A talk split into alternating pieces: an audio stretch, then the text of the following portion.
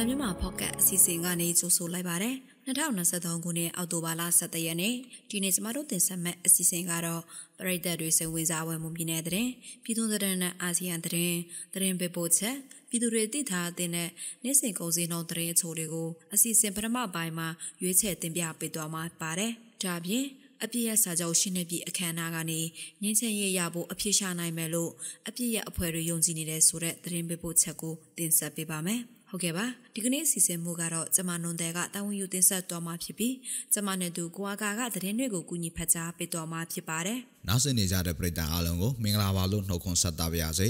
ကျွန်တော်အာကာကသတင်းတွေကိုကူညီတင်ဆက်ပေးတော်မှာပါ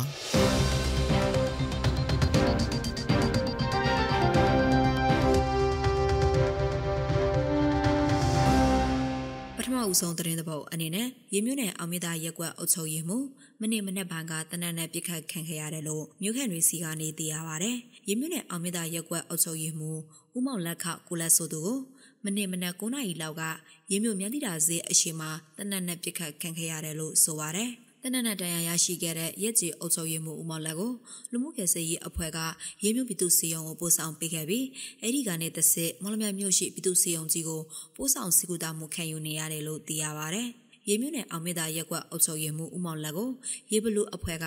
90mm နဲ့30ပစ်ခတ်ခဲ့တယ်လို့ရေဘလူအဖွဲ့ကထုတ်ပြန်ထားပါတယ်ရှင်။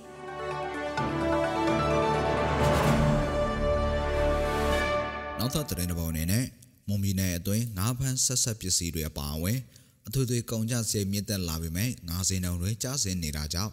ပြည်내အတွင်းကငါးလုပ်ငန်းရှင်တွေအရှုံးပေါ်နေတယ်လို့မွန်ပြည်နယ်ငါးလုပ်ငန်းရှင်တွေစီကနေသိရပါဗျ။ကံဝေးငါးဖမ်းလုပ်ငန်းမှာအလုပ်သမားငါးရန်ခါမြင့်တက်လာတဲ့အပြင်73စီစဉ်တော့ဟာအရင်နှစ်ထက်နှစ်ဆနီးပါးဈေးမြင့်တက်လာတယ်လို့ဆိုပါတယ်။ဒါပြင်ငါးဖမ်းလုပ်ငန်းအတွက်မရှိမဖြစ်ဆက်ဆက်ပစ္စည်းတွေနဲ့ရေခဲဈေးတွေဟာလည်းမြင့်တက်လာတာကြောင့်လုပ်ငန်းရှင်တွေအခက်တွေ့နေရတယ်လို့လည်းသိရပါတယ်။ ဒါအပြင်အခုနှစ်အတွင်းပင်လယ်ပြင်မှာမုန်တိုင်းတွေပုံမကြရောက်နေတာကြောင့်မကြာခဏဆိုသလိုငါးဖမ်းလှေတွေကမ်းပြန်ကန်နေရတဲ့အတွက်ငါးဖမ်းချိန်နှဲပါလာတယ်လို့လည်းပြောပါတယ်။ငါးဖမ်းလုပ်ငန်းကိုမွန်ပြည်နယ်အတွင်းကရေကြိုက်ခမီနဲ့မော်လမြိုင်မြို့တို့မှာအဓိကလောက်ကင်နေကြပြီးဖမ်းဆီးရမိတဲ့ငါးပစုံတွေကိုတရုတ်နိုင်ငံစီအဓိကထားတင်ပို့ရောင်းချနေတာလည်းဖြစ်ပါတယ်ခင်ဗျာ။ နောက်ထပ်သတင်းသဘောအနေနဲ့စစ်ကောင်စီဟာအခုနှစ်မိုးစဘာနဲ့လာမယ့်နှစ်အတွက်ຫນွေစဘာအတွက်စဘာတင်တရားကိုအခြေခံရည်ညွှန်းစေချက်9သိန်းခွဲအထိသတ်မှတ်ကြောင်းမနေ့ကထုတ်ပြန်ခဲ့ပါတယ်။ စိုက်ပျိုးကုန်စားစီအတွက်အဘဘကမြင့်တက်နေစေစပားရီညုံစီကိုတောင်သူလူသမားအခွင့်အရေးကောက်ွယ်ရေးနဲ့အစိုးစီပွားမြင့်တင်ရေးဥဆောင်အဖွဲ့ကအခုလိုထုတ်ပြန်လာပါတယ်ပြီးခဲ့တဲ့2022ခုနှစ်မိုးစပါနဲ့2023ခုနှစ်နှွေစပါအတွက်ကြံကင်စီကိုတော့ချက်6သိန်း3000သတ်မှတ်ခဲ့တာဖြစ်လို့အခုသတ်မှတ်ချက်စီဟာပြီးခဲ့တဲ့နှစ်အခြေခံရည်ညွှန်းစီနှုန်းထက်တင်တရာကိုချက်3သိန်း2000ပဲပိုများပါတယ် စဘာစိုက်တောင်သူတွေအနေနဲ့ကတော့စိုက်ပျိုးစရိုက်ကြီးမြင့်မှုမျောစာနဲ့လိုအပ်တဲ့စေဝါတွေဈေးကြီးမြင့်မှုတွေကြောင့်စစ်ကောင်စီရဲ့တမတ်ညွန်စေဟာအခက်အခဲဖြစ်စေတယ်လို့ပြောဆိုကြပါတယ်ရှင်။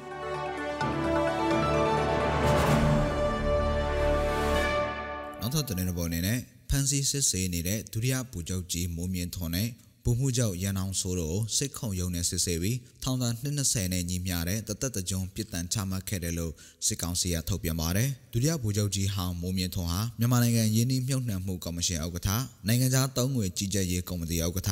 ကုန်သွယ်မှုနဲ့ကုန်စည်စည်းစိမ်မှုများမှန်ကန်မြန်ဆန်ရေးဗဟိုကော်မတီဥက္ကဋ္ဌတာဝန်တွေကိုထမ်းဆောင်စဉ်အတွင်းလက်စားခဲ့တာကြောင့်အခုလိုရေးယူရတဲ့ဖြစ်ကြောင်းနိုင်ငံပိုင်မီဒီယာတွေကနေတစိမ့်မနေ့ညမှာထုတ်ပြန်လာတာဖြစ်ပါတယ်။ဒါပြင်စာအုံးစီစေးတွေကိုတတ်မှတ်ရည်ညွှန်းစေနှုန်းထက်ဈေးတင်ရောင်းချနေတာကိုတီလီယန်နဲ့အရေးယူဆောင်ရွက်ဖို့ပြက်ကွက်ခဲ့တာကြောင့်လည်းအရေးယူရတယ်လို့ဆိုပါတယ်။ပုံမှုချုပ်ဟောင်းရန်အောင်ဆိုဟာလည်းတာဝန်ထမ်းဆောင်တော့ကဒုတိယဗိုလ်ချုပ်ကြီးဟောင်းမိုးမြင့်ထွန်းနဲ့အတူပူးပေါင်းကျူးလွန်ခဲ့တယ်လို့ထုတ်ပြန်ချက်မှာဖော်ပြထားပါတယ်။ ဒါပြင်ယာသူလုတ်ပိုင်ခွင့်ကိုတုံးပြီးစီးပွားရေးလုပ်ငန်းရှင်တွေကိုနိုင်ငံခြားငွေနဲ့မြန်မာကျပ်ငွေတွေလဲလှယ်ပေးတာစီးပွားရေးလုပ်ငန်းရှင်တွေစီကနေနိုင်ငံခြားငွေနဲ့မြန်မာကျပ်ငွေတွေကိုလက်ခံရယူခဲ့တဲ့အပြင်အရက်ဘတ်စီးပွားရေးလုပ်ငန်းရှင်တွေမှာပါဝင်ခဲ့တာတွေကြောင့်သက်ဆိုင်ရာဥပဒေပုံမှားတွေနဲ့ဆွဲချက်တင်ပြီးစစ်တရားရုံးမှာစစ်ဆေးစီရင်ခဲ့တယ်လို့ဆိုပါတယ်ခင်ဗျာ ဆုံးသတင်းတပုတ်အနေနဲ့လိုင်စာမျိုးကမွန်လိုင်းခဲစစ်ပေးဒုက္ခသည်စခန်းဘုံကျဲတိုက်ခိုက်ခံရတဲ့ဖြစ်စဉ်ကို88ကြိမ်မြောက်ကုလသမဂ္ဂအထွေထွေညီလာခံမှာထည့်သွင်းပြောကြားခဲ့တယ်လို့ကုလသမဂ္ဂဆိုင်ရာမြန်မာအမြဲတမ်းကိုယ်စားလှယ်ယုံကသတင်းထုတ်ပြန်ထားပါတယ်။ 88ကြိမ်မြောက်ကုလသမဂ္ဂအထွေထွေညီလာခံလက်နက်ဖြတ်သိမ်းရေးနဲ့နိုင်ငံတကာလုံခြုံရေးကော်မတီရဲ့အထွေထွေမူဝါဒရေးရာမိန့်ခွန်းပြောကြားမှုအစီအစဉ်မှာကုလသမဂ္ဂဆိုင်ရာမြန်မာအမြဲတမ်းကိုယ်စားလှယ်တပ်အမတ်ကြီးဦးကျော်မိုးထွန်းကအဲ့ဒီကိစ္စကိုထပ်တွင်ပြောကြားခဲ့တယ်လို့ဆိုပါတယ်။မြန်မာစစ်တပ်ဟာစာတင်ကြောင်စီးရုံစီခန့်အပါဝင်ပြည်သူတွေနေထိုင်တဲ့နေရာတွေကို ခွဲခြားမှုမရှိဘဲလက်နက်ကြီးနဲ့ပစ်ခတ်တာလေကြောင်းကတိုက်ခိုက်တာတွေပြုလုပ်နေပြီးအခုမိတ်ခုံပြောကြားနေချိန်မှာပဲလိုင်စာမျိုးကိုပစ်ခတ်တာကြားသိရတယ်လို့ဦးကျော်မိုးထွန်းကပြောခဲ့ပါတယ်။တေဆုံးသွားသူတွေထဲမှာအသက်မပြည့်သေးတဲ့ကလေးငယ်10ဦးထပ်မံပါဝင်ပြီးထိခိုက်ဒဏ်ရာရသူ56ဦးထိရှိနေပြီလို့ဆိုပါတယ်ရှင်။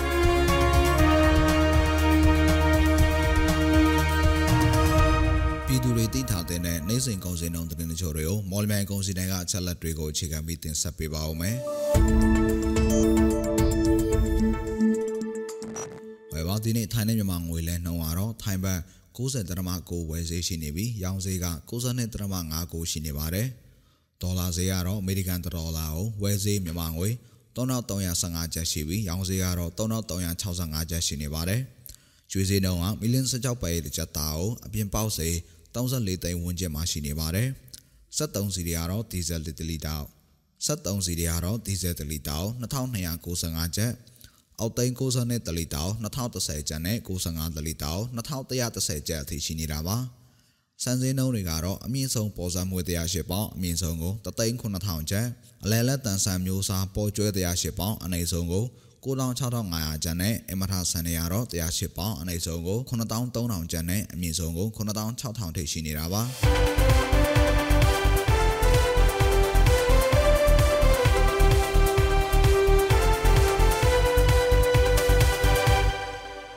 အခုတင်ဆက်ပေးသွားခဲ့တာကအော်တိုဘာလ17ရက်နေ့မှာဖြစ်ပျက်ခဲ့တဲ့မွန်ပြည်နယ်သတင်းပြည်တွင်းသတင်းနဲ့အာဆီယံသတင်းတွေအပြင်တနေ့တာစီစီငွေစည်းနဲ့ကုန်စည်နှုန်းတွေကိုတင်ဆက်ပေးသွားတာဖြစ်ပါတယ်။ ဆက်လက်ပြီးတော့အပြည့်ရဲ့စာချုပ်ရှင်းနေပြီးအခမ်းအနားကနေငင်းချမ်းရေးရဖို့အပြည့်ရှာနိုင်မယ်လို့အပြည့်ရဲ့အဖွဲ့တွေယုံကြည်နေတဲ့ဆိုတဲ့သတင်းပေးပို့ချက်ကိုနတ်ဒီကတင်ဆက်ပေးပါဦးမယ်။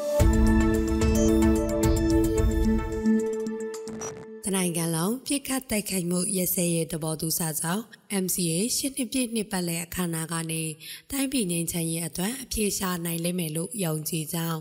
MCA လက်မှတ်ရေးထိုးထားတဲ့လက်နက်ကိုင်ဖွဲ့စည်းတွေနဲ့ဖွဲ့စည်းထားတဲ့ငြိမ်းချမ်းရေးလုပ်ငန်းစဉ်ဦးဆောင်ဖွဲ့ PPSD မှပြောခွင့်ရပုဂ္ဂိုလ်နန်းရင်ရင်ဆိုကပြောပါတယ်။ MCA အကောင့်ထဲပေါ်မှုမှာလည်းအခက်အခဲတွေရှိခဲ့ကြောင်းပြည်သူတွေလိုလားတဲ့ဒီမိုကရေစီဖက်ဒရယ်ပြည်ထောင်စုတည်ဆောက်ရေးအတွက်လည်းဘလို့ရှာလာမလဲဆိုတာဆွေးနွေးတော့မှာဖြစ်တယ်လို့သူကဆိုပါတယ် ကျမတို့ဒီဒီ NCA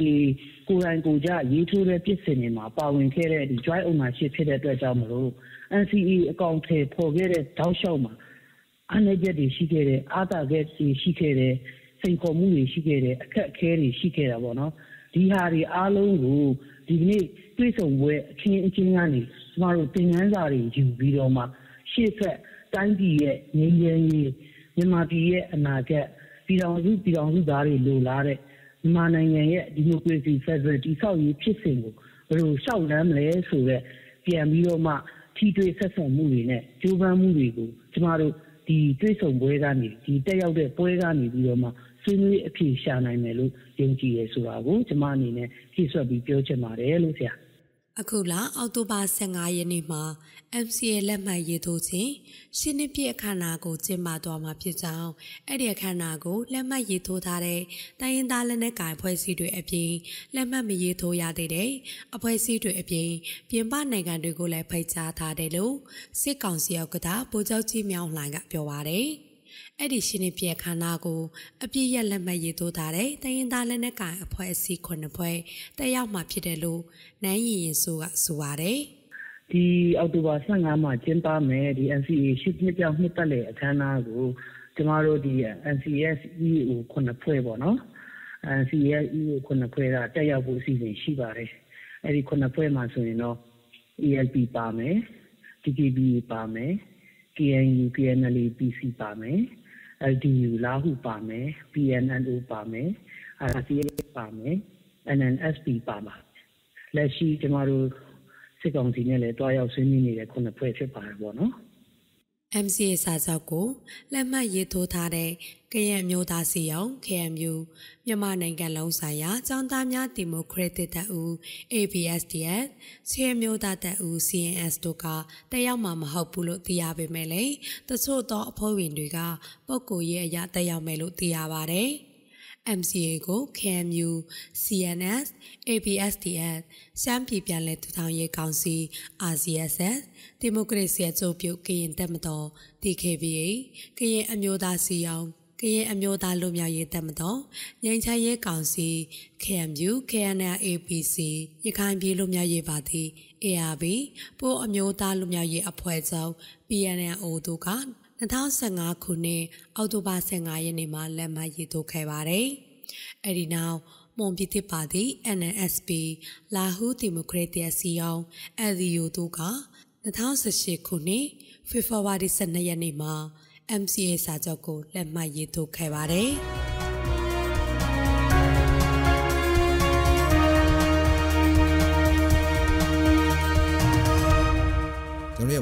ပေါ့ကတ်စီစဉ်ဒီမှာတင်ပြီးဆုံးပါပြီ။နားဆင်ကြတဲ့ပရိသတ်အားလုံးကိုနောက်နေ့အစီအစဉ်တွေမှာဆက်လက်အားပေးကြပါအောင်လို့ဖိတ်ခေါ်ရင်းအစီအစဉ်ကိုအဆုံးသတ်ပါရစေ။အားလုံးကိုကျေးဇူးတင်ပါတယ်ခင်ဗျာ